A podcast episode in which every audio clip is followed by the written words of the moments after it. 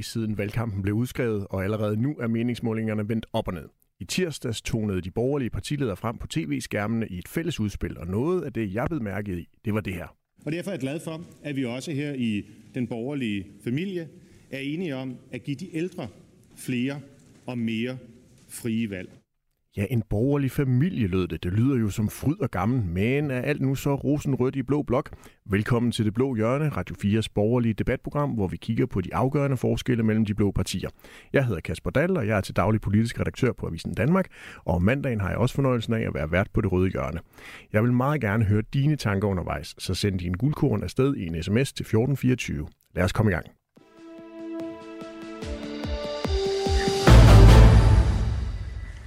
Morten Messerschmidt kaldte jer for en borgerlig familie, og det er måske rigtigt nok. Alle familier har jo sit at tumle med. Nogle er blevet skilt, nogle har været ind og sidde undervejs, og det kan til tider også være svært at finde ud af, hvem der egentlig er familiens overhoved. Men i kølvandet på pressemødet har jeg også været lidt forvirret over den her tørklædedebat, som nu er blusset op.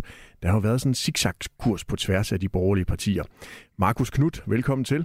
Mange tak. Du er de konservatives øh, udlænding og udenrigsordfører, blandt mange andre ordførerskaber, som mm. du også har. Øhm, ja eller nej, skal ældre kunne sige nej til hjemmehjælper med et tørklæde? Jamen, det er noget, vi har sagt, øh, at vi gerne vil, vil se nærmere på. Der er, jo, der, er jo, der er jo forskellige komplekser i det her, fordi for, altså, for lige at begynde med, hvis, hvis jeg sad som ældre i mit hjem øh, og og ikke synes, det var passende, at der kom et så stærkt religiøst symbol som et, et muslimsk tørklæde ind i, min, i mit private hjem, øh, så synes jeg, man skal have ret til at stille spørgsmål ved, øh, ved, ved, ved det. Men, men inden man bare sådan springer ud i, i lovgivning, så er der jo forskellige ting. For det første, så skal man undersøge, kan man overhovedet gøre det øh, rent, øh, rent lovligt. For det andet betyder det så også, at man heller ikke må have et kors om halsen eller en kalot på. Så, så der er en masse kompleksiteter i, i, i det her.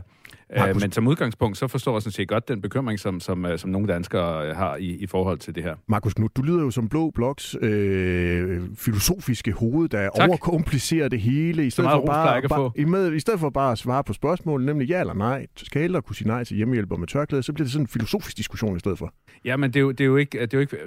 Lige for at gå lidt tilbage historisk, hvis du kigger på hele debatten om det såkaldte burkaforbud, det var mig, øh, blandt andet også med, sammen med, med Søren, øh, Søren Gade dengang i, i Venstre, øh, der, der var ja, nogle af dem, der synes det var en rigtig god idé dengang.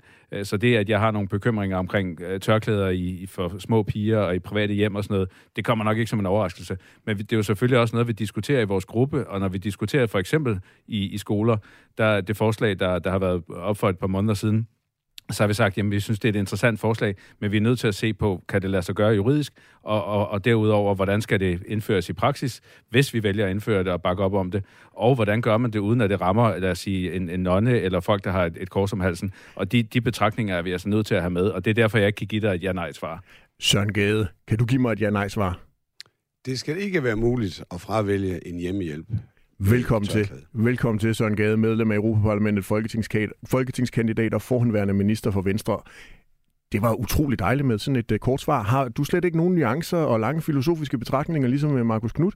Præcis ikke på det her, fordi hvis uh, vi skal have den arbejdsreserve ud på arbejdsmarkedet, som uh, uh, kvinder med anden etnisk baggrund uh, har, så nytter det simpelthen ikke noget, at vi så fravælger dem, fordi de har tørklæde på. Diskussionen omkring små piger og tørklæde og social kontrol, den hører ikke til i den her debat. Folk, der har taget en uddannelse og får et job som øh, socioassistent, hvis man ikke vil have en ind med tørklæde, så har man fravendt hjemmehjælp i min, øh, ja, i min butik. Søren Espersen, også velkommen til dig. Du er folketingsmedlem for Danmarksdemokraterne. Ja, godmorgen. Søren Espersen, du skal selvfølgelig også spørge os. Er det okay at afvise en uh, socioassistent, fordi vedkommende har tørklæde på, og man ikke ønsker dem ind i ens hjem?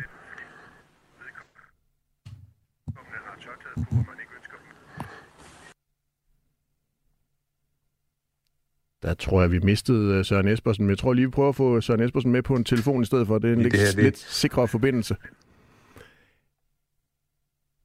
Markus Knudt og Søren Gade, I skal i hvert fald have tusind tak for jeres svar, så får vi lige Søren Espersen med, imens vi lige får en jingle. Og jeg, jeg, jeg,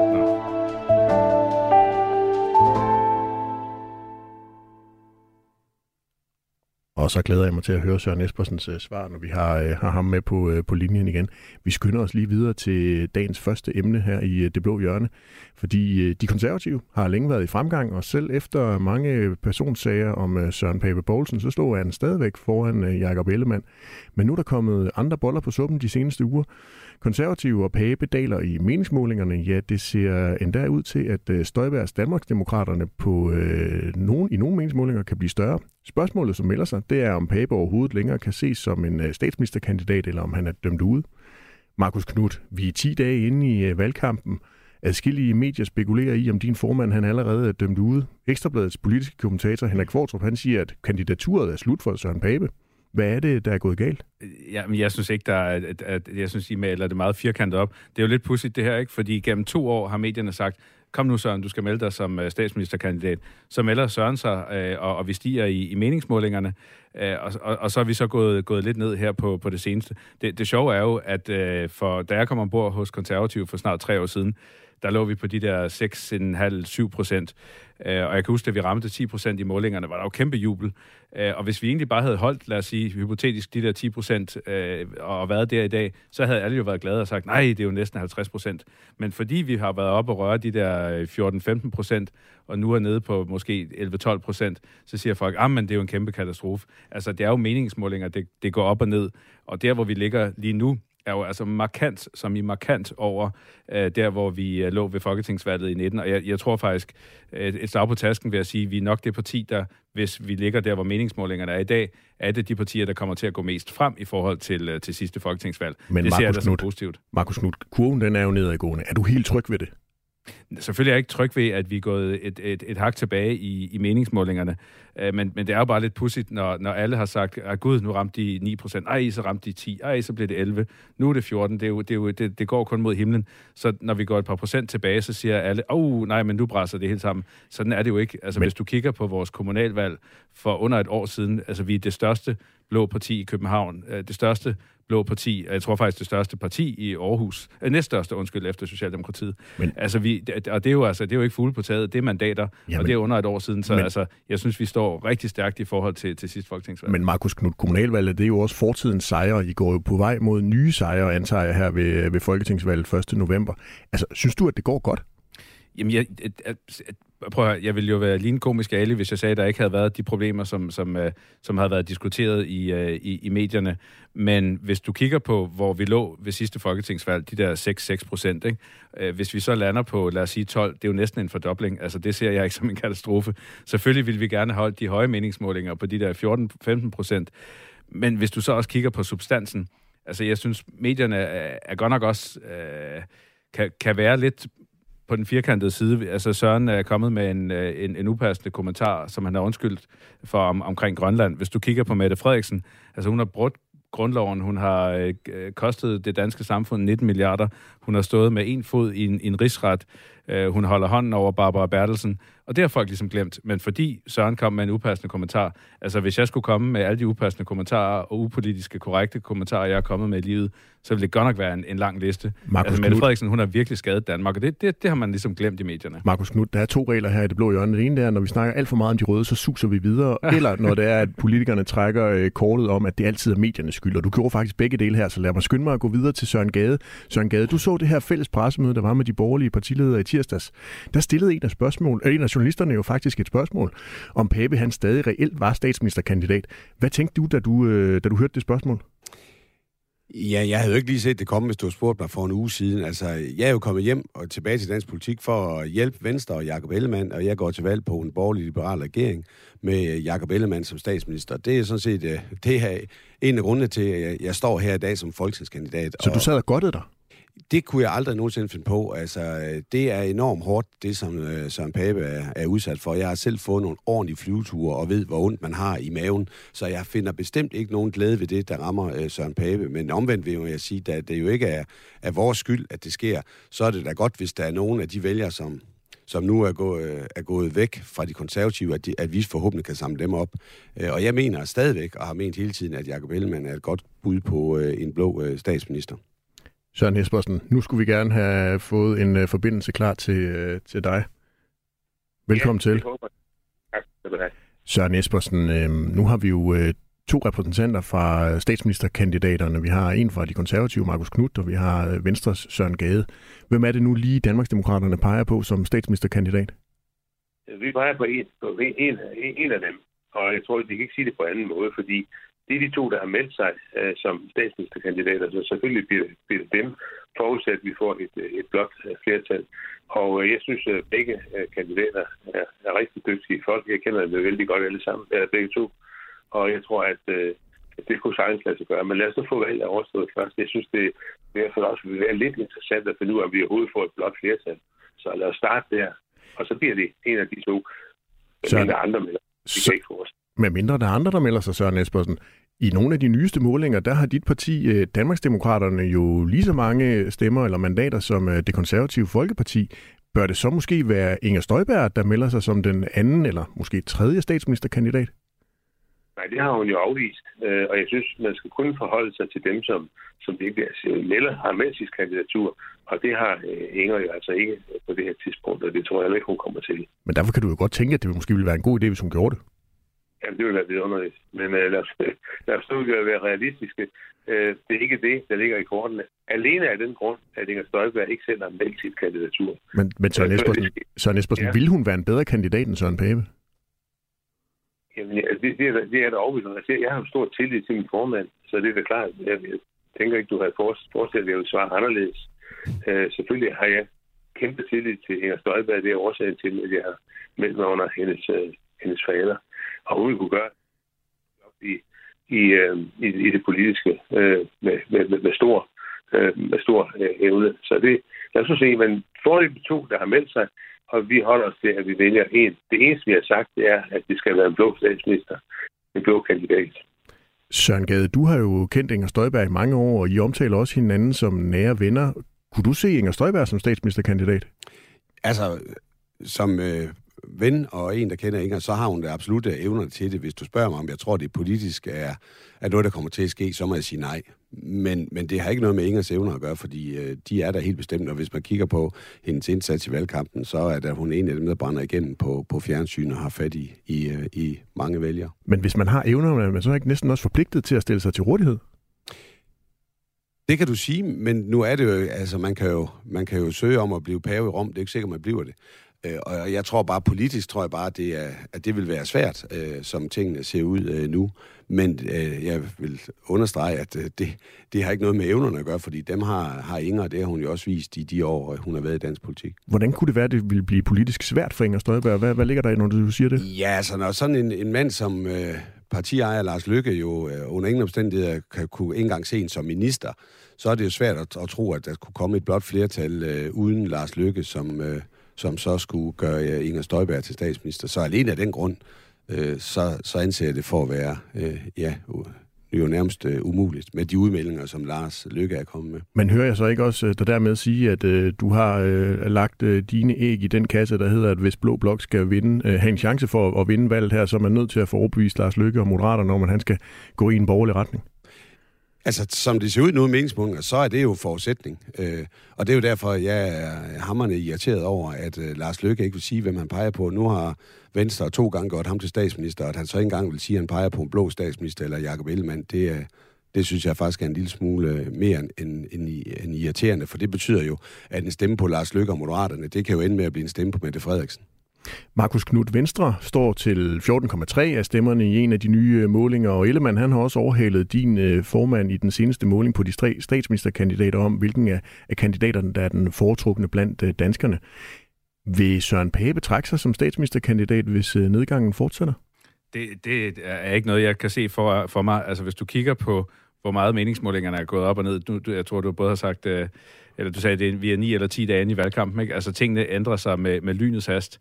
Øh, og, og, og jeg kan jo bare se den stille og rolige fremgang, konservative har haft øh, i, i, i de tre år, jeg har, jeg har været øh, medlem af partiet. Øh, og, og, og den fremgang, den bliver også afspejlet, som sagt, i vores kommunalvalg og i øh, når jeg møder folk på gader og stræder. Så altså en meningsmåling, der går et par procent tilbage øh, over de sidste 10 dage, og vi vel og mærke ligger markant over det valgresultat, vi havde i 19, altså næsten en fordobling.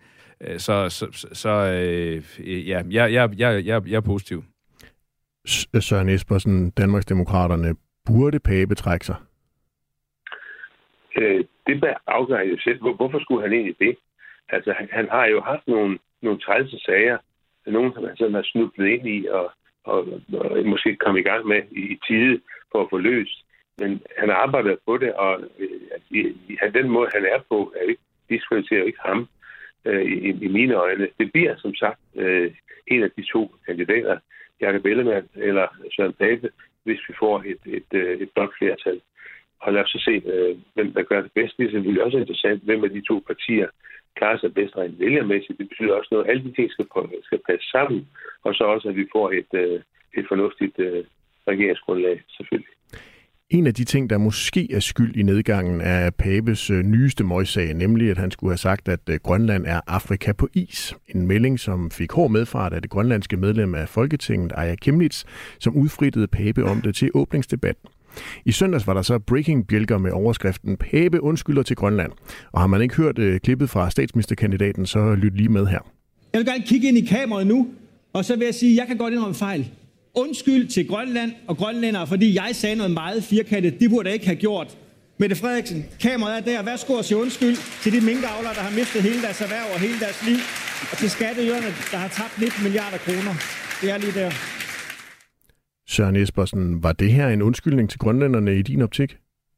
Ja, jeg synes, det var simpelthen, at jeg lagde kortene på bordet og sagde, at jeg det der er sket, og jeg giver mig uforbeholdende undskyld. Det var dumt sagt, men det er de ting, der ligesom kan slippe ud i en, i en snæver vending. Øh, med, med hensyn til, til hans øh, angreb så på Mette Frederiksen bagefter, det er helt reelt, at de to ting øh, følges ad i stor stil. Hvornår har Mette Frederiksen sagt undskyld til vores minkavlere, som var et kæmpe øh, eksporterhverv øh, for ikke ret lang tid siden. Øh, den undskyldning tror jeg aldrig nogensinde kommer, undtagen øh, at hun bliver tvunget til det, og det håber jeg selvfølgelig sker. Nej, jeg synes, det var fint, øh, hvad Søren Pape sagde her, og så bør den sag være uddebatteret. Grønlanderne har taget en undskyldning, færdig, slut, videre. Sådan skal det være. Søren Gade, hørte du det her fra Søren Pape Poulsen i søndag som en undskyldning eller som en gimmick? Jamen altså, det, det, var jo det var en undskyldning. Den havde nok stået stærkere undskyldning, hvis den ikke var fuldt op af, af, et, øh, af en opfordring til, til statsministeren. Men altså, politisk er det jo helt fair and square, at, øh, at, at Søren Pape bruger anledning. Men, men den, den havde stået stærkere, hvis det bare havde været øh, første del og ikke anden del af sætningen. Markus Knudt, er der ikke noget paradoxalt i, at Pape han ønsker en undskyldning fra Mette Frederiksen, og så kommer han sådan med en noget lidt halvhjertet, det er i hvert fald sådan, jeg hørte, undskyldning. Altså, hvis han skulle have en chance for genrejsning, skulle han så ikke bare lægge sig fladt ned og, øh, og mene det sådan helt ned fra maven, i stedet for at bruge det som opvarmning til et angreb på Mette Frederiksen?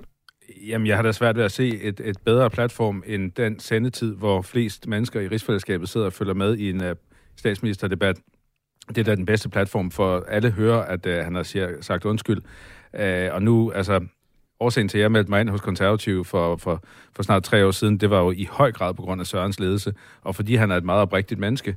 Og når han siger undskyld, jamen, så er det jo fordi, han mener det. Men han har jo altså en pointe i, at Mette Frederiksen øh, stadig ikke vil tage ansvar. Øh, at, at, og jeg vil alt andet lige mene, det at sige noget upassende, som sagt, jeg tror, jeg har sagt rigtig mange upassende ting i livet. Jeg har også sagt undskyld nogle gange. Øhm, det, det er jo ikke sammenligneligt med, med det, hun har gjort og smadret et helt erhverv og kostet 19 milliarder øh, og, og fået sine røde partier til at dække over, at der ikke skal være en advokatundersøgelse, der kan føre til en rigsret. Altså, det er jo den største skandale i, i, i, i nyere tid i dansk politik, og det, det, det, det er gået lidt i glemmebogen.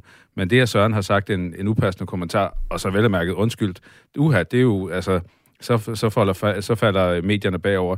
Undskyld, nu kritiserede jeg medierne igen. Jeg skal nok lade være. Uh, men, men i hvert fald tilbage til min pointe. Altså, han bruger den bedste platform for at sige undskyld, så alle kan høre det. Det synes jeg da bare er godt, og så synes jeg, vi skal komme videre. Markus Knud øh, Erik, vores lytter, han har sendt en sms ind på 1424. Han ønsker tydeligvis ikke, at vi skal videre, fordi han skriver spørgsmål til Markus Knud. Har I overvejet at skifte formand? Han mener, altså øh, Erik, øh, vores lytter, at øh, Maja Mercado kunne trække konservativ tilbage på rette spor. Søren Pape er tydeligvis færdig som gårdsanger, skriver han. Ja, Jamen, som jeg sagde før, jeg meldte mig ind hos konservativ i høj grad på grund af, af, af Søren, og, øh, Øh, jeg tror faktisk, nu kigger over på Søren Gade, der engang havde et udtryk, der hedder, hvis du vil have en ven i politik, så køb dig en hund. Øh, og, og altså, politik er, er, er, er øh, et, et hårdt spil, øh, men, men nu har jeg været hos konservative i, i adskillige år, og, og Sørens ledelse er bare, jeg er så glad for at være øh, med i den gruppe og i det parti, og jeg er så glad for, for Søren som formand, både i medgang og i modgang. Og hvis der er én ting, der er sikkert i, i politik, så er det, der er altid medgang, og der er altid modgang i, i forskellige perioder.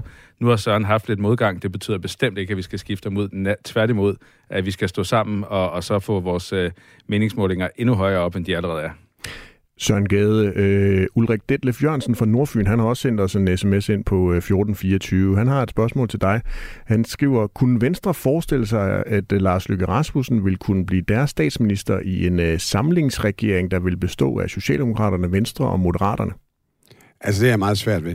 Øh, og jeg arbejder jo benhårdt for den øh, borgerlige liberale øh, regering, som jeg gerne ser kommer med, med Jacob Ellemann som statsminister. Jeg vil have svært ved at se øh, Lars Lykke øh, blive statsminister øh, i det her land igen. Søren Espersen, så vil jeg godt lige høre din analyse på et spørgsmål, som øh, Lars Massen han har sendt ind til os på øh, 1424. Han skriver nemlig, at Lykke bliver udenrigsminister i en midterregering. Han er den eneste statsmand, man kan sende ud i verden. Han er smart. Søren Espersen, tror du også på øh, Lars Løkke Rasmussen som udenrigsminister i en Mette Frederiksen-regering? Altså, jeg tror ikke, den situation kommer til at opstå.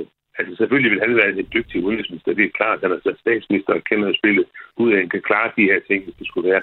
Men prøv lige at høre. Det, det helt afgørende, det er jo, at vi for eksempel, øh, Inger Støjberg, øh, har sagt, at vi vil ikke støtte en, en regering hen over midten. Vi vil ikke øh, være med i, den, i, i det øh, med, med Socialdemokratiet, som vi så vil forlange lederposten. Det er ikke nogen tvivl om. Socialdemokratiet går ikke sammen med nogen, uden at de selv er statsminister. Det er simpelthen en fysisk umulighed. Det vil aldrig kunne ske. Øh, så tanken om, at, at Lars Løkke kunne blive statsminister med, med, med støtte fra øh, Mette Frederiksen, er fuldstændig umulig. Altså det, det er ligesom, det, det, det er et fuldstændig hypotetisk spørgsmål, og jeg synes, vi skal lade det ligge, for det kommer ikke til at ske. Og så i stedet for, som Søren Gade siger, arbejde på en, en, en blå sejr øh, den 1. november, så kan vi snakke om alle de her ting øh, på fornuftig måde i stedet for. Markus Knudt? Ja, og der, vi glemmer jo det, det helt centrale her, at Lars Lykke har jo altså sagt meget fornuftigt, at han kan kun pege på en, en rød regering, hvis det er sådan, vi får en advokatundersøgelse af uh, Mette Frederiksens agerende i, i minkskandalen med henblik på en mulig rigsret. Uh, det ser jeg ikke lige frem, Mette Frederiksen uh, gå, gå med til. Og vi skal altså også huske på, hvorfor er det, vi har et folketingsvalg lige nu?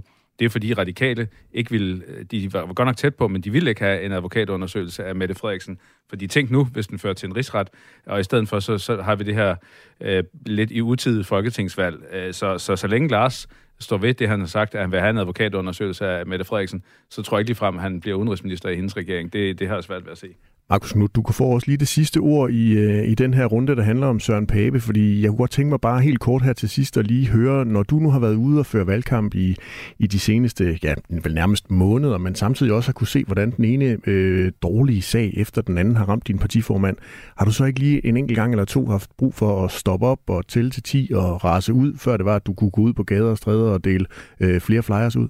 Nej, ikke, ikke personligt. Det, det har jeg sådan set ikke. Altså, det er som sagt, jeg, jeg har været i politik længe nok til tingene går op og ned. Jeg har godt nok selv været igennem nogle, nogle hårde tider, og som Søren Gade sagde før, det gør ondt helt ned i maven, når man er igennem en, en, øh, en, en shitstorm. Øh, men jeg har også været i politik længe nok til, at, at der kommer også en dag i morgen, og vi skal fremad.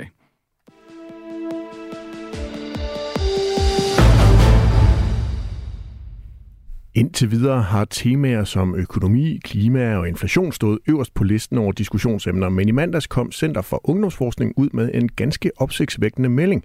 Halvdelen af, næsten halvdelen af unge danskere mellem 16 og 25 år mistrives. 44 procent af det. Det giver sig udtryk i stress, pres, bekymringer og psykiske udfordringer. Søren Gade, hvor alvorligt øh, et problem er det her? Jamen, det er jo øh, mega alvorligt, fordi det er, jo, det er jo unge mennesker, man har spurgt, og de har jo øh, forhåbentlig et langt liv foran sig, 60-70 år foran sig, og hvis man allerede i sine unge år øh, ja, øh, risikerer at få en, en diagnose, eller man får et sygdom, som øh, føler ind resten af livet, ja, så er det først og fremmest tragedie for den enkelte unge, men det er jo også øh, i næste række jo også en omkostning for samfundet, så derfor er det simpelthen vigtigt, at vi får Øh, vi får sat ind på det her område. Jeg tror heller ikke, øh, altså covid har ikke gjort noget godt for de unge, der har siddet hjemme, og så er der øh, noget omkring skole og, og, og pres, som de unge sig selv øh, påpeger. Så det er vi simpelthen nødt til at tage alvorligt som politikere, for ellers så skubber vi bare, altså først og fremmest fordi vi skal hjælpe de her mennesker, og dernæst fordi vi hjælper også vores land, hvis vi får taget hånd om det i tide. Forskningen peger på, at det er rammerne for ungdomslivet, der skaber mistrivsel. De unge oplever, at de skal præstere mere og mere, og at de skal gøre det i et højere og højere tempo. Markus Knud, hvordan har du det med, at politikere som dig har skabt rammerne for det her ungdomsliv, som gør, at næsten halvdelen af de unge mistrives? Jeg, jeg, jeg vil ikke sige, at det er os politikere, der har skabt rammerne for det, fordi jeg tror ikke, det er... Du, det er jo ikke sådan én ting. Det er ikke karakterræs. Det er ikke, øh, kan man komme ind på den, den uddannelse. Altså, jeg, jeg tror i høj grad, det er de sociale medier, som gør, at man er på fra morgen til aften. Man skal se pæn ud, man skal poste billeder af sig selv. Øh, man, man bliver kritiseret i, i kommentarspor og så videre. Øh, og det er jo ikke noget, vi sådan har skabt, eller bare lige kan trylle væk øh, rent, rent politisk. Øh, jeg kan jo se selv, altså da, da jeg gik i skole, og, øh, hvor, hvor man ikke havde øh, Facebook og så videre, og så videre. Øh, når man kom hjem om eftermiddagen, jamen, så sad man i fred og lavede sine ting. De unge er jo på hele tiden, øh, og sidder hele tiden og kigger på, hvordan har mine venner reageret på det foto? Er der nogen, der har sagt noget grimt om mig? Bliver det her delt på, på sociale medier? Og, og det er der altså ikke nogen snuptagsløsning på, men vi skal være 100% bevidste om det politisk og gøre, hvad vi kan for hele tiden at have det med i den, den måde, vi udvikler ja, øh, vores, vores samarbejde med, med unge. Men Markus Knudt, har politikerne intet ansvar for de unges mistrivsel? Selvfølgelig har vi en, en, et medansvar for, for, for at forsøge at løse det, øh, men min tese går på, at det i høj grad er de sociale medier, øh, og der har vi selvfølgelig et, et medansvar, øh, men det er jo ikke os, der har skabt de sociale medier, men, men jeg kan jo se selv, altså nu har jeg jo sådan en politisk hat på, jeg sidder hele tiden og kigger på, hvordan reagerer det her Facebook-opslag, og så videre, og så videre. For et, for et, øh, en ung gymnasieelev, så, så er det jo mere den sociale hat, man har på, og siger, hvordan reagerer mine venner på, på det, jeg har lagt op. Øh, og det er bare svært, når man er på hele tiden. Søren Espersen, hvor stort et ansvar mener du, at politikerne har for de unges mistrivsel? Altså lige umiddelbart, der mener jeg ikke, der er, der er noget ansvar, der gør skillende. Jeg vil sige fuldstændig som Markus, at det her, det tror jeg i høj grad har at gøre med de sociale medier det er jo helt vildt at køre en tur i tog, øh, for eksempel i S-toget omkring København, som jeg ofte gør, og se, at jeg vil sige, 99 ud af 100 sidder med deres, øh, deres øh, telefoner og, og, og, og laver alverdens ting, taler ikke med hinanden, ser ikke, hvem der kommer ind. Og hele tiden det stress, der er omkring det her, netop som, at man skal se ud på en bestemt måde, man skal lade ting. Når så det radikale kommer med, undskyld øh, udtrykke, en fuldstændig åndssvag idé om, at, øh, at hvis man afskaffer karaktergivningen i første G, så kommer det til at gå godt igen. Altså, der, der, der skulle være et særligt krav øh, til, til eleverne. Vi, der, har, der er gået på gymnasiet for 100 år siden, kan godt garantere for, at der var altså også krav øh, i et meget stor stil. Der var mange, der ikke kunne, kunne klare det pres, der var. Og sådan er det jo, øh, når man er i en undervisningssituation. Men, men altså, vi skal da gøre, hvad vi kan øh, politisk. Jeg kan bare ikke se umiddelbart, hvad det kan være. I skolerne er jeg meget begejstret for, at man mere og mere er begyndt at, at sige til de unge, at de kan, kan ikke have deres iPhone med til undervisning. De skal aflevere dem om morgenen, og så kan de tage den med hjem, når de går. Øh, det er nok vejen øh, frem, at der vil være flere af den slags situationer. Vi kunne jo også lære det, også der sidder i folketingssalen, mm. og bare efter, hvad der bliver sagt, i stedet for at sidde med den der maskine, som, som jeg også selv gør i stor stil. Så vi er med til at, til at sætte en, øh, en standard. Så lad os da blive enige om, at de der telefoner bliver i, i tasken, når vi sætter os i folketingssalen næste gang. Så det vil Søren Espersen, jeg hører dig sige, at det er telefonerne, sociale medier, der er årsag til den her mistrivsel, men hvis man dykker ned i undersøgelsen fra Center for Ungdomsforskning, så viser den faktisk, at de unge føler, at de skal hurtigere igennem uddannelsessystemet, de skal vide, hvad de vil med livet ganske tidligt, og så har de unge også ifølge den her øh, undersøgelse en stærk følelse af, at deres liv i højere grad end tidligere afhænger af deres individuelle valg og formåen. Søren Gade, hvilke konkrete initiativer vil dig og Venstre tage for at mindske den her mistrivsel, når vi nu ikke kan gå ud hverken og tage mobiltelefonen fra dem eller lukke for Facebook? Ja, altså, der er sådan flere lag i det. Altså, først og fremmest, de, som har det så skidt, at øh, de skal se, øh, til en psykolog eller en psykiater, de skal have muligheden. Og det har vi helt konkret faktisk kommet med to udspil.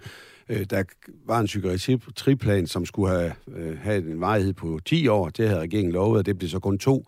Det vil vi tage initiativ til, at vi får fundet de penge, der gør, at vi kan lave en 10-årsplan. Og det skal også være mulighed for at komme til den psykolog, hvis man har det her behov. Når det så er sagt, så skal vi også prøve at kigge ind i det, du lige har, har, har nævnt. Og så noget... Øh, Altså, der er den der digital dannelse, det er jo, hvordan man bruger de her øh, sociale medier. Og så er vi, vi er jo nødt til, når vi, når vi kigger på det her med, øh, det, det pres, som de unge, de, øh, hvad skal vi sige, de, øh, de føler. Altså, man kommer jo ikke udenom, at på et eller andet tidspunkt, at du, du skal have op nogle karakterer af en eller anden grad, for at komme videre til et eller andet studie. Det kommer vi jo ikke til at kan lave om på. Altså, vi kan jo ikke bare trække lod. Øh, altså, livet er bare en dannelsesrejse, hvor du også må lære, altså når du kommer ud på en arbejdsplads, er der også et pres. Så, så det handler også om, hvordan vi i tale sætter det over for de, de unge. Om det kræver, at man, at man skal have det fag på øh, hvad skal vi sige, øh, et klassen i folkeskolen eller på gymnasiet, det skal jeg ikke være en rigtig til at vurdere. Men jeg kan jo ikke som politiker læse den rapport, og så bare lade 7 og 5 være lige. Vi er jo nødt til at forholde os til det, og få nogle kloge mennesker til at sige, hvad vi kan gøre, for at øh, selvværet og, og øh, livsleden kommer tilbage. Vi kan jo ikke bare kigge på, at næsten halvdelen, øh, de synes, de har et lorteliv. Øh, det er jeg trist over. Jeg var trist over at, at læse den rapport. Markus Knud, er det her ikke et øh, desværre fantastisk eksempel på, at der er et problem, som er så stort og svært at løse, og så øh, skyder I politikere bare skylden videre på mobiltelefonen, sociale medier, som du selv var inde på, fordi det simpelthen bliver for svært for jer at løse? Nej, men det er jo fordi, der ikke er nogen snuptagsløsning. Øh, og, og noget, som, som Søren Espersen siger, altså det, det der med helt lavpraktisk, i, i, i hvert fald i de mindre klasser, øh, at man lægger øh, sin iPhone eller sin tablet væk, Øh, det, det er jo i hvert fald et godt sted at starte, så har man i hvert fald ro i, i klasseundervisningen. Øhm, det er jo så lidt svært at, at nødvendigvis at gøre i, i fritiden, når man sidder derhjemme. Øh, men, men jeg tror også bare, vi må huske på, at vi lever i en verden, hvor vores, med, med den velstand, vi har i Danmark, med den frihed, vi har i Danmark, så har unge altså næsten uanede muligheder i dag at skulle forholde sig til, øh, hvad de skal med, med deres liv. Men det ændrer jo ikke på, at vi skal øh, selvfølgelig fortsat stille krav. Ja, Og det der med at sige, så, så fjerner vi bare karaktererne i første G som, som radikale, det er jo, altså, det er jo en ikke-løsning. Øh, fordi vores unge øh, i den verden, vi lever, de kommer til at konkurrere om arbejdspladser internationalt med andre unge fra vores nabolande og rundt om i, i verden. Så vi er jo nødt til at stille krav. Altså løsningen er ikke bare at sige, så stiller vi ikke nogen krav, fordi så kommer vi bare til at sakke bagud som land. Søren Espersen. Alexander, han har sendt os en sms på 1424. Han skriver, hvorfor øh, er de så meget på sociale medier, altså de unge mennesker? Det er fordi politikerne har skabt et system, hvor de unge ikke ser deres forældre. De er i institution 40 timer om ugen for toårsalderen. De går så meget i skole, at de ikke kommer til aktiviteter. Det er i hvert fald hans forklaring. Hvad siger du til det? Jamen, der kan der være mange forklaringer på det. Øh, jeg, jeg tror dog ikke, det har forandret sig så meget øh, i, i de sidste 10-20 år hvilket jo altså den her SoMe-revolution virkelig har. Øh, den har jo totalt ændret øh, alle menneskers øh, hverdag, og jeg tror stadigvæk, at det er det, der er det, der er det helt afgørende. Søren Espersen, man... hvad vil, hvordan vil Danmarksdemokraterne så løse det? Jamen, altså, jeg synes ikke, det er umiddelbart noget, at man som politiker bare kan løse. Altså, det er sikkert kommet et eller andet forslag fra de røde lige om lidt om, at vi skal bare øh, spendere 200 millioner, så kommer det til at gå godt igen. Øh, der er også ting, som er almindeligt menneskelige netop som det bliver nævnt, øh, jeg tror, det var Søren Gade, der sagde det her med, at presse, en pressesituation op til en eller anden, man søger et job, man øh, skal i gang med en ny uddannelse. Der har hele tiden været det pres på unge mennesker. Men det kan jeg forsikre, at det er altså ikke noget nyt. Men det helt nye i åbenbaringen, det er altså de sociale medier, som er trumlet ind over vores, øh, vores hverdag på en måde, så vi vil os ind, at det er normalt. Og det er jo en række udvikling. Øh, og vi vil da gerne, hvad vi kan politisk, skal vi selvfølgelig gøre, men det er ikke noget med at øh, lade være med at erkende, at der kan være mange situationer i, i ens liv, hvor der bliver stillet krav til en, og hvor man må gøre sit bedste. Søren Espersen, nu øh, sagde du, at øh, de røde nok kommer med en masse dyre forslag, men en, der også har et forslag, det er faktisk øh, Liberal Alliances øh, formand Alex Vanopslag. Han sagde til øh, DR forleden, at, og jeg citerer, Særligt som civilsamfund har vi et enormt ansvar for at styrke de små fællesskaber, som kan være med til at modarbejde mistrivselen. Søren Espersen, kunne Alex Vanopslag have en pointe her, at civilsamfundet, altså foreningerne, fritidsaktiviteterne, lidt ligesom Alexander, der har sendt en sms ind på 1424, også er inde på, kunne det være en, en måde at løse nogle af de her mistrivselsudfordringer? Jamen, det ville da være glimrende. Altså, i, i, i, det mindre, i det mindre samfund øh, er det selvfølgelig nemmere at komme det her til livs. Og derfor er vi også så kede af, at der bliver nedlagt en, en skole et eller andet sted i landet, eller at der sker et eller andet, øh, som gør, at det bliver centraliseret mere. Øh, og det, det synes jeg, man kan kigge på og gøre en masse ved at bevare øh, de, de, de små skoler rundt om i, i landet, hvor man så har, kan komme i gang med livet på en mere øh, forsømmelig måde, end det, som man desværre ser mange steder nu. Søren Gade, du nikker. Er civilsamfundet en del af løsningen? Det er bestemt en del af løsningen. Jeg sidder i en fondsbestyrelse, hvor vi får mange ansøgninger for, for øh, mennesker med en forening, som brænder for at gøre en forskel for de unge, som har det svært. Og, og der er bestemt øh, noget af løsningen der. Og jeg tror, det er vigtigt, at vi som politikere søger information for nogle af dem, der sidder med de unge, altså øh, og hører dem om, hvad er det, vi kan gøre, fordi der er sikkert ikke nogen snuptagsløsning, men det er jo, altså politikere er ligesom sat i verden for at løse nogle problemer, og fordi det er noget, det er svært, øh, så skal vi jo ikke bare opgive det, altså så skal vi jo netop prøve at se, hvad kan vi så gøre for at imødegå den, øh, den mistrivsel, der er blandt unge. Det, det er da en af vores øh, opgaver som politikere. Markus Knud, det virker som om, at de her i dagens panel er ganske enige om, at der ikke er nogen snuptagsløsninger, men er der overhovedet nogen løsninger? Jamen, altså som, som sagt, der er jo, som, som vi talte om før, i de små klasser skal man lægge telefonen væk. Men, men jeg tror, at det, det du lige nævnte med det at være del af et fællesskab, det tror jeg er en helt, uh, helt, helt central del af det. Sådan er vi jo som mennesker. Vi har jo flokdyr, uh, og, og sociale medier kan, kan mange gange få os til at føle os udenfor, hvis det er sådan, man som ung ikke øh, får liket sit billede, eller man bliver kritiseret af, af en masse andre. Øh, så at sætte fokus på, hvordan kan man sørge for, at de unge føler sig som del af et fællesskab, uagtet om det er klassen eller en, en, en uh, idræt, eller hvad det nu er. Øh, det, det tror jeg er, er del af vejen frem. Søren Gade, som afslutning på det her emne, så vil jeg gerne lige stille et, øh, et hurtigt spørgsmål. Kommer trivselen blandt de unge til at blive bedre med en øh, Jakob Ellemann-ledet regering efter valget? Det håber jeg rigtig meget. Altså, det, er ikke, det er ikke bare til lejligheden, jeg har fundet på, at, at jeg er bekymret. Der er noget, der hedder Girl Talk. Der har jeg mødtes med, med direktøren Anna Bjerre, og, og det er jo øh, hjertegribende, når man hører, hvad det er for nogle problemer, de her unge har. Og, og jeg mener helt bestemt, at vi skal søge information og se, om vi kan modvirke det. Og det kan man jo gøre ved at inddrage civilsamfundet, som, øh, som Alex Vanderslag har sagt. Øh, Alex har jo også selv som ung haft øh, ondt i livet. Det har han jo selv fortalt, så det er jo ikke noget, jeg står og røber her. Og, og, og jeg synes simpelthen, at det er for stort et problem ude i samfundet hos de unge, til at vi bare kan negligere det. Markus Knudt, kommer trivselen blandt de unge til at blive bedre under en Søren Pape-ledet regering? Trivsel og øh, en, en ordentlig psykiatriplan, det er en topprioritet for os, så, så ja, det gør det. Søren Espersen, kommer trivselen blandt de unge til at blive bedre under en Inger Støjberg-ledet regering? Jamen, jeg kan næsten ikke svare andet, end at øh, det håber jeg bestemt, og det er også det, mine to venner her siger. Altså, vi, jeg tror, vi vil gøre vores bedste. Det her det er også noget, vi skal løse samlet i Blå Flok, hvis vi kommer til, øh, øh til, til sejren efter den 1. november. Det er klart nok væsentligt. væsentligt.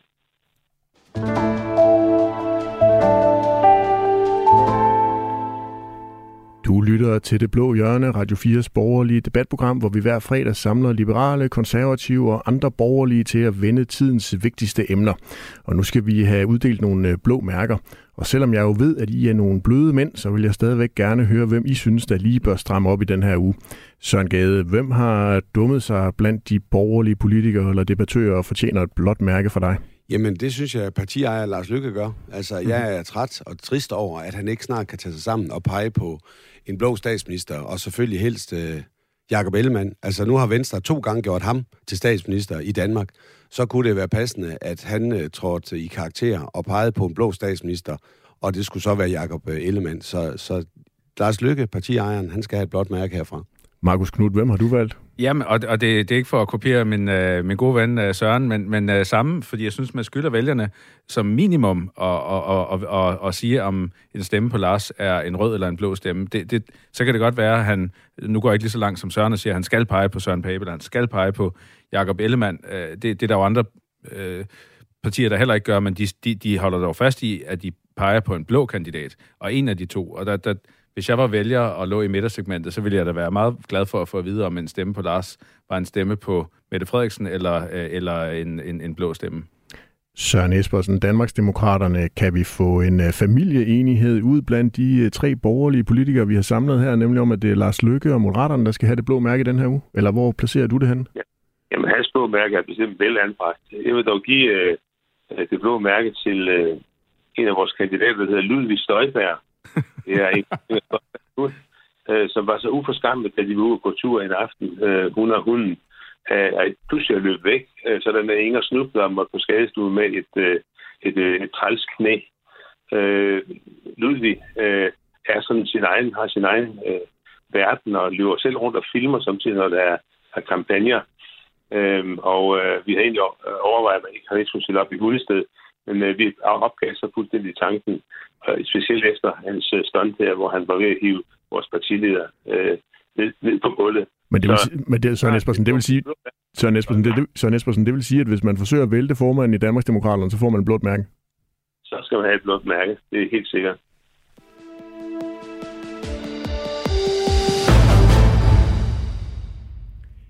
Hvilken bedre dag end i dag, hvor vi har tre mandlige gæster med, er til at tage en ligestillingsdebat. Fagbladet øh, 3F har undersøgt kønsfordelingen blandt alle folketingskandidater, og deres konklusion den er klar. Der er en stor overvægt af mænd på højrefløjen. Kvinderne er altså underrepræsenteret. Ser man på den yderste højrefløj, er det næsten tre fjerdedel af kandidaterne, der er mænd, men mine gæster i dag er dog lidt tættere på ligestilling, dog stadig med en overvægt af mænd. Markus Knud, dit øh, parti, det konservative, I har 58 procent mænd opstillet til folketingsvalget. Er det godt nok? Jamen, det er egentlig sjovt, fordi øh, jeg ser jo tingene fra min egen lille uh, andedam her i, i Østjylland, uh, hvor, hvor jeg er opstillet, og der er jo altså en massiv overvægt af kvinder. Du har Mona Jul og Charlotte Gren og så videre, så videre. Uh, og, og jeg tror kun, vi er en to-tre ud af, jeg ved ikke hvor mange, 12 kandidater, der, uh, der er mænd. Uh, så så altså, det går op og ned.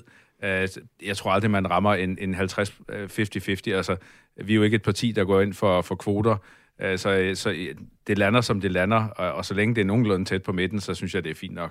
I hvert fald i, i, her i Østjylland, der er det en kæmpe overvægt af kvinder, så der, der står jeg lidt alene som mand. Men Markus nu er jeg godt med på, at når det er valgkampe, så ser man jo altid verden fra ens egen øh, valgkreds. Er det godt nok? Altså, kunne I gøre noget mere i de konservative for at få et bedre øh, kønsfordeling? For det første, så synes jeg jo ikke, at 58 procent er sådan helt... Øh, det er jo ikke, øh, 58, det er jo ikke sådan et nordkoreansk valg med, med 99,6 procent. 58 er altså ret tæt på midten. Og så synes jeg også, man skal passe på med at sige, øh, ja, men når, øh, til den og den kreds, når I nu I vælger en kandidat, så prøv nu at se, om det ikke kan blive en mand, eller prøv nu at se, om det ikke bliver en kvinde. Det er jo ikke særlig demokratisk. Øh, og, og så længe vi ligger, ligger så tæt på 50 procent, som, som vi gør, så, så ser jeg i hvert fald ikke noget stort problem. Søren Espersen, i Danmarksdemokraterne, der er der 61 procent af de øh, opstillede øh, kandidater, som er mænd. Hvordan kan det være, at I som et øh, nyt parti ikke har været bedre til at finde en mere ligelig fordeling? Det ved jeg ikke, men en ting, jeg kan svare dig på, det er, at jeg i mit gamle parti, Dansk Folkeparti, har været med til talrige generalforsamlinger og opstillingsmøder til byer, amtsråd og til regioner og hvad det var, øh, og, hvor man har bevidst spurgt, er der ikke nogen flere af de kvinder, der er til stede her i aften, der har lyst til at stille op? Og de meget store mange siger så nej til det. Øh, det, vi ved alle sammen, det gælder om at få rigtig mange kvinder med på listen, og vi presser dem. Det ved jeg, at det bliver gjort i partierne. Så det er ikke sådan, at der er en uvilje blandt mænd om, at der er flere kvinder, der skal stille op. Det ønsker vi sådan set alle sammen. Vil vel vide, jo det også, at kvinderne øh, måske får en lettere gang på, på, på jorden, når vi taler om folketingsvalg. Øh, der har været en, en undersøgelse, der viste, at 20 procent, cirka 20 procent af vælgerbefolkningen vil stemme på en kvinde. Altså uanset, øh, så vil man vælge en kvinde, selvom man ikke kender hende. Så de talrige opfordringer, der har været, jeg har selv været en dem, der har stået som dirigent for de her opstillingsmusikere, kan vi ikke få men, flere af men, Søren, men, men Søren Espersen, når du nu netop har stået på de her mange generalforsamlinger ja. og opfordret kvinder til at, øh, at melde sig godt nok i Dansk Folkeparti dengang, hvad tror du så egentlig er årsagen til, at kvinderne ikke har meldt sig som kandidater? Ja, det, det er der sikkert mange gode forklaringer på. Øh, jeg, vi, har, vi kender da alle sammen de problemer, som særligt øh, kvinder kan have i forbindelse med, med barsel og, og, og fødsel og sådan noget, som kan gøre det svært, øh, og hvor man så siger, måske i en overrække vil jeg ikke deltage, og så kommer man tilbage igen. Altså, det er jo så forskelligt. Det eneste, jeg bare gerne vil slå fast, det er, der er ingen som helst, mig bekendt, modvilje blandt mænd om, at flere kvinder øh, stiller sig til rådighed. Det er jo der, det starter, at de stiller sig til rådighed. Gør de det, jamen så er der også øh, en rimelig god chance for, at de vil valge forskellige steder, for det vil folk faktisk gerne have. Søren Gade, dit parti Venstre, de klarer sig dårligst af jer tre, der er repræsenteret her i det blå hjørne i dag. Det er nemlig 66 procent af jeres kandidater, der er mænd. Er det fordrende for borgernes, vælgernes frie valg, som I jo går så meget op i i Blå Blok, når der er så få kvinder at stemme på? Man kan jo sige det på den måde i hvert fald, at øh, der er noget at arbejde med, men det er vigtigt for mig at sige, at, Venstre er jo det centralt parti. Altså det er jo vælgerforeningerne, der bestemmer, hvem der skal være kandidater. Øh, og det kommer vi ikke til at blande os i centralt i Venstre. Man kan selvfølgelig altid selv lave en opfordring til øh, kredsene om, at, øh, at de skal se efter, om der er at kvinder, man kan gøre interesseret. Men, men det, altså, man kan ikke sætte kvoter på. Altså, det, det skal være en oprigtig interesse for politik, der driver en. Øh, og jeg, har, jeg er far til to øh, unge kvinder, ikke også? Og jeg øh, arbejder og synes, at mine børn, de skal have de samme, mine to øh, øh, døtre skal have de samme muligheder som øh, unge mænd i det her samfund. Så, så, øh, så der er ikke nogen modvilje på mig om, at der er, der er flere kvinder. Og nu er jeg så stillet op, nu er Markus Knudt så stillet op et sted, hvor der, der er hovedsageligt er kvinder. Jeg er stillet op øh, et sted, hvor der hovedsageligt er, er, er mænd. Og det er selvfølgelig, så er der ikke meget biodiversitet i det. Men det er vigtigt at understrege, at Venstre har en decentral organisation, hvor det er kredsene, der beslutter, hvem de vil have som folketingskandidat.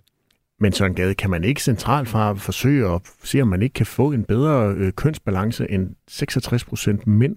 Altså har, har I ikke som, som partier, og for den sags skyld også politikere, der jo går rundt ude i, i samfundet, en, et, øh, et ansvar for at uh, fortælle om uh, de fordele, der er ved at være i politik, og hvordan man kan komme ind og få indflydelse, så det ikke kun er, er mænd, men at der også er kvinder repræsenteret?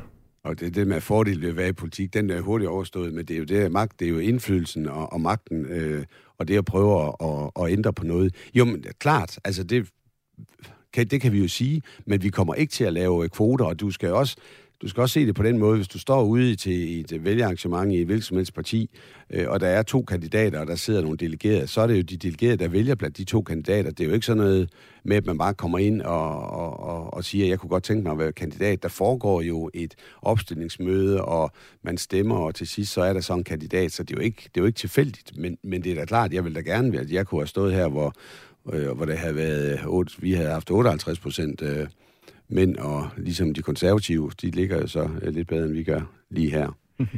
Lars Kober, der er pressechef i øh, Ny Borgerlig, han har sagt sådan her om øh, det her med, med udfordringen mellem at få en, en lille kønsbalance.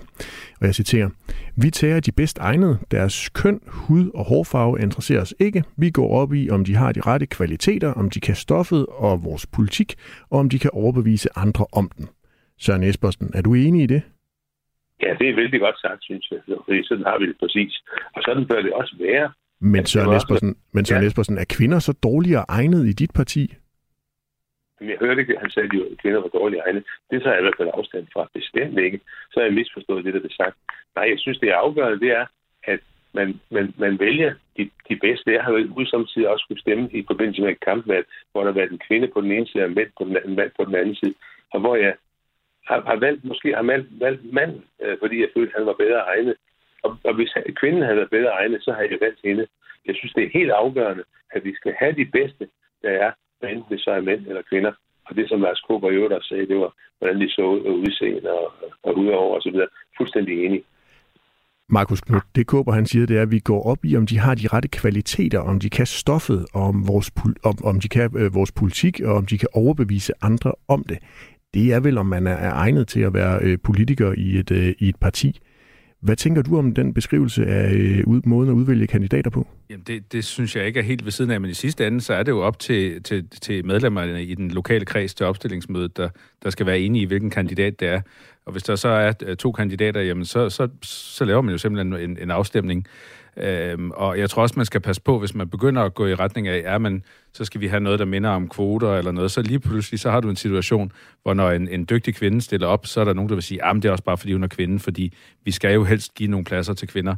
Øh, nu er vi jo øh, så heldige hos konservative, at vi er at de tre partier, der er med i dag, der, er, der er bedst stillet med, med 58 procent.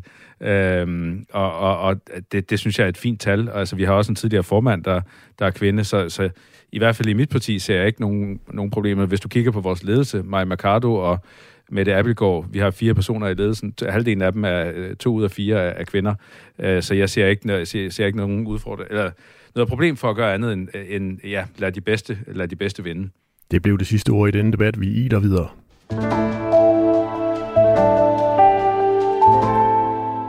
Fordi vi skal nemlig lige nå øh, det blå barometer i dagens udgave af Det Blå Hjørne. Vi øh, skal kigge lidt nærmere på øh, den lilla kongemager, som vi allerede har været inde på i løbet af udsendelsen. Fordi Lars Løkke Rasmussen, han vil nemlig ikke vedkendes hverken ja eller rød fløj. Øh, Søren Gade, du kender jo Lars Løkke som din tidligere partiformand. Hvordan føles det, at han øh, måske kommer til at være den, der bestemmer, om Danmark får en øh, rød eller blå regering? Ja, altså, det er jo, det er jo vælgerne, der bestemmer i første runde. Jamen, altså, jeg har bare svært ved at forestille mig, at Lars Lykke ikke skulle pege på en blå statsminister. Det vil dog være totalt underligt at have været i et parti i mere end 40 år, have haft stort set alle poster, man kan få i Venstre, amtsborgmester, folketingsmedlem, minister, statsminister, og så skulle han lige pludselig blive socialist. Jeg synes, han skylder vælgerne et svar på, hvad han vil, fordi det vil da være overraskende for mig, hvis han går et andet sted hen i en blå stue. Altså, øh, der kunne jeg godt tænke mig at høre de refleksioner, der gør, at han lige pludselig ikke længere øh, kan pege på en øh, borgerlig statsminister i det land, han selv har været statsminister i, som borgerlig. Men går han virkelig over til socialisterne, hvis han kunne finde på at lave sådan en bred regering med Mette Frederiksen og måske et andet borgerligt parti? Ja, jeg ved ikke, hvad han har fået til morgenmad, hvis han gør det. Altså, for, I min optik at, burde det jo være fuldstændig umuligt, men ingenting er umuligt i hans optik angiveligt. Tror du egentlig overhovedet, at Mette Frederiksen kunne forestille sig at lave noget med Lars Lykke?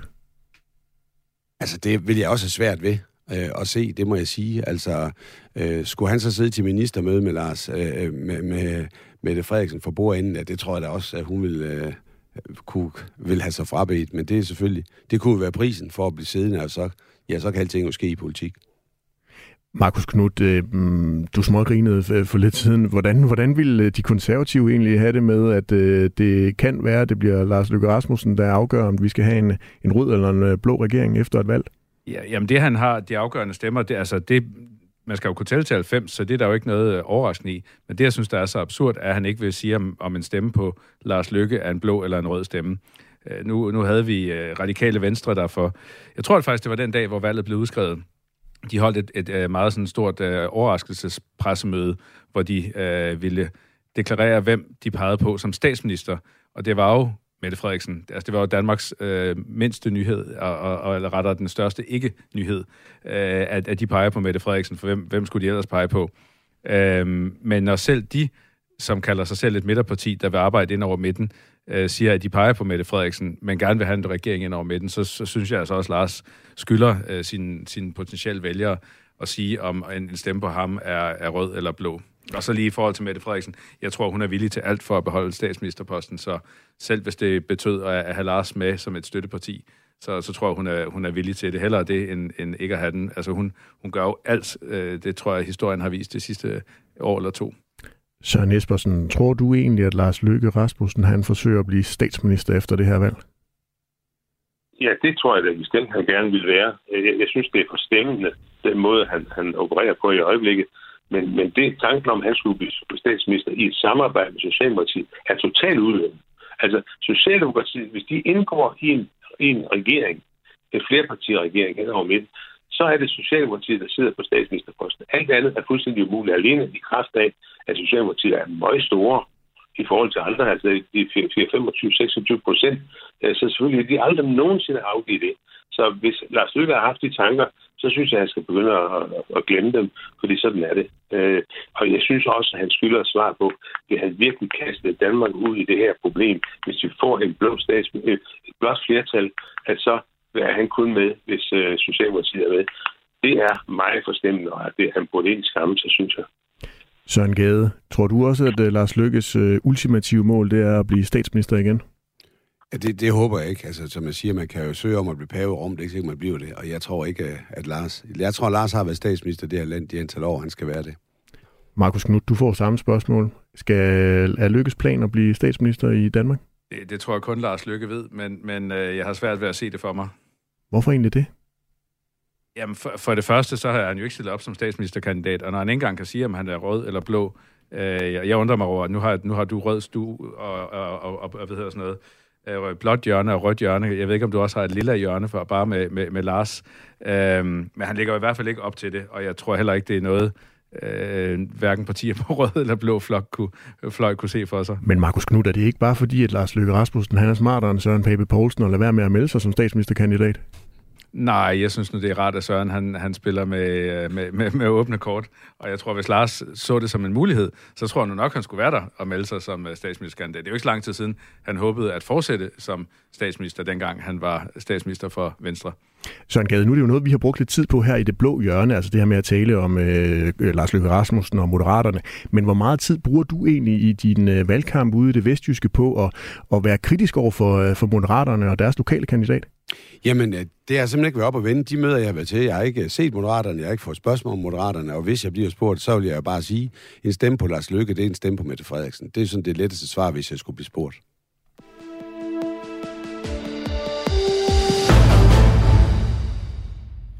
Du har lyttet til Det Blå Hjørne, Radio 4's borgerlige debatprogram, der produceres i samarbejde med Avisen Danmark, hvor jeg er politisk redaktør. Mit navn er Kasper Dahl. Tusind tak til de gæster, vi har haft med i dagens udgave af Det Blå Hjørne. Venstres Søren Gade, Konservativs Markus Knudt og Danmarksdemokraternes Søren Espersen. Husk, at du også kan lytte til Radio 4 og øh, Avisen Danmarks politiske debatprogram Øh, det røde hjørne, det handler om Centrum Venstre, hvor vi rigtig får pæret rundt i de uenigheder, der er der. Det program, det sender vi om mandagen. Det kan også findes som podcast, ligesom du kan finde det blå hjørne der. Rigtig god weekend. Du har lige lyttet til Radio 4's politiske podcast Det Blå Hjørne. Hvis du vil have mere politik og valgkamp, kan du finde søsterprogrammet Det Røde Hjørne og vores politiske magasin Mandat i vores app. Radio 4. Vi giver dig valget. Du sætter krydset.